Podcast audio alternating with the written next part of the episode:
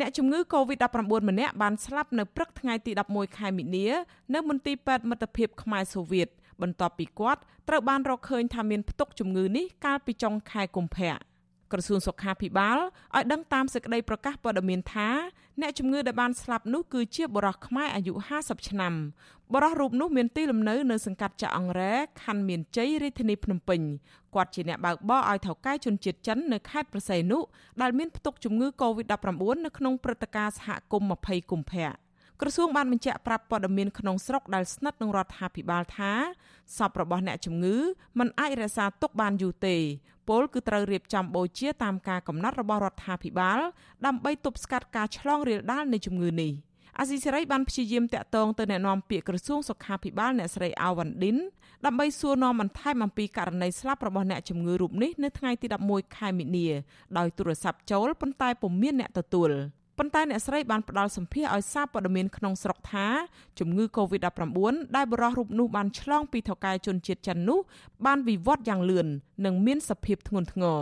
អ្នកស្រីបន្តថាក្រុមគ្រូពេទ្យបានពិនិត្យឃើញថាសួតទាំងសងខាងរបស់បុរសរូបនោះមានសភាពធ្ងន់ធ្ងរធ្វើឲ្យកង្វះអុកស៊ីសែននៅក្នុងសួត និងរលាកខ្លាំងរហូតសរីរាង្គកាយរបស់បុរសរូបនោះទ្រាំទ្រលែងបាន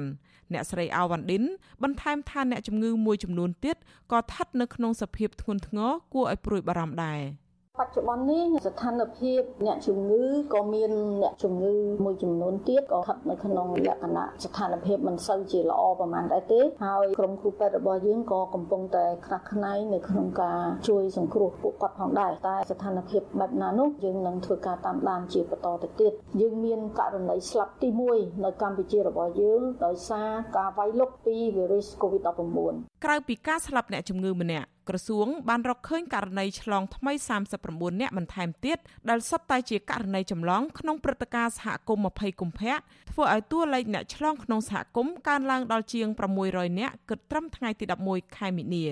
ករណីស្លាប់ដំបូងនៅកម្ពុជានេះគឺជាក្តីបារម្ភមួយរបស់ប្រជាពលរដ្ឋនិងសង្គមស៊ីវិលជុំវិញការរីករាលដាលនៃជំងឺនេះនៅទូទាំងប្រទេសកម្ពុជា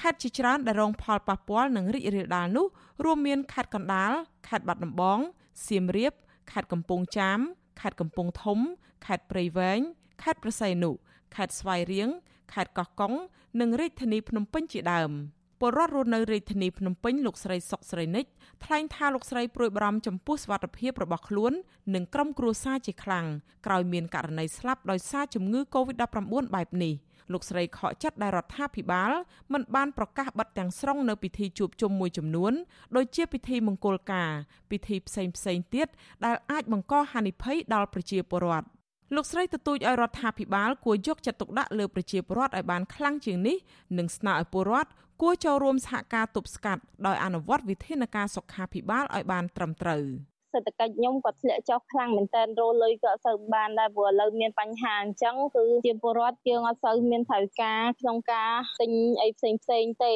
ខ្ញុំលែងហ៊ានចិញ្ចនានិយាយទៅឥឡូវរឿងខ្លាចដែរអញ្ចឹងហើយជួលតាគេឲ្យដឹកឲ្យសម្បីតែទៅផ្សារទិញម្ហូបអីក៏លែងហ៊ានដែរព្រោះខ្ញុំព្រួយបារម្ភពីបញ្ហាខ្លាចមានការឆ្លងពីខ្លួនឯងទៅដល់កូនកូនអីទៅដល់កូនដល់គ្រួសារអីចឹង ចំណែកនាយករងទទួលបន្ទុកផ្នែកឃ្លាំមើលសិទ្ធិមនុស្សនៃអង្គការលីកាដូលោកអំសំអាតទទូចឲ្យរដ្ឋាភិបាលគួរបន្ថែមនៅសម្ភារៈបរិខា និងក្រុមគ្រូពេទ្យបន្ថែមទៀតដើម្បីបំរុងក្នុងការព្យាបាលអ្នកជំងឺ Covid-19 លោកបន្តថាករណីស្លាប់ដំបូងនៅប្រទេសកម្ពុជានេះគឺជាសញ្ញាដាស់តឿនដល់រដ្ឋាភិបាល ជាពិសេសក្រសួងសុខាភិបាលគួ រយកចិត្តទុកដាក់ពង្រឹងវិធានការសុខាភិបាល និងរិះរកយន្តការបន្ថែមទៀតដើម្បីទប់ស្កាត់នៅការរីករាលដាលនេះបច្ចុប្បន្ននេះគឺរដ្ឋាភិបាលត្រូវផ្ដល់ព័ត៌មានឲ្យបានជាក់លាក់ហើយពលរដ្ឋទាំងអស់គឺរួមគ្នាយ៉ាងណាដើម្បីចូលរួមចាត់វិធានការខ្លួនឯងនឹងដើម្បីបង្ការនិងទប់ស្កាត់កុំឲ្យមានការរីករាលដាលហ្នឹងទី1គឺការពារខ្លួនឯងទី2ការពារទៅដល់គ្រួសារហើយនឹងអនុវត្តទៅតាមវិធានការនិងគោលការណ៍ណែនាំរបស់ក្រសួងសុខាភិបាលក៏ដូចជាអង្គការសុខភាពពិភពលោកគិតត្រឹមថ្ងៃទី11ខែមីនាកម្ពុជាមានអ្នកស្លាប់ដោយសារជំងឺ Covid-19 ម្នាក់អ្នកឆ្លងសរុបជិត1200នាក់ក្នុងនោះព្យាបាលជាសះស្បើយជិត600នាក់និងកំពុងសម្រាកព្យាបាលជិត600នាក់ចា៎នាងខ្ញុំខែសុណងអាស៊ីសេរីរាយការណ៍ពីរដ្ឋធានី Washington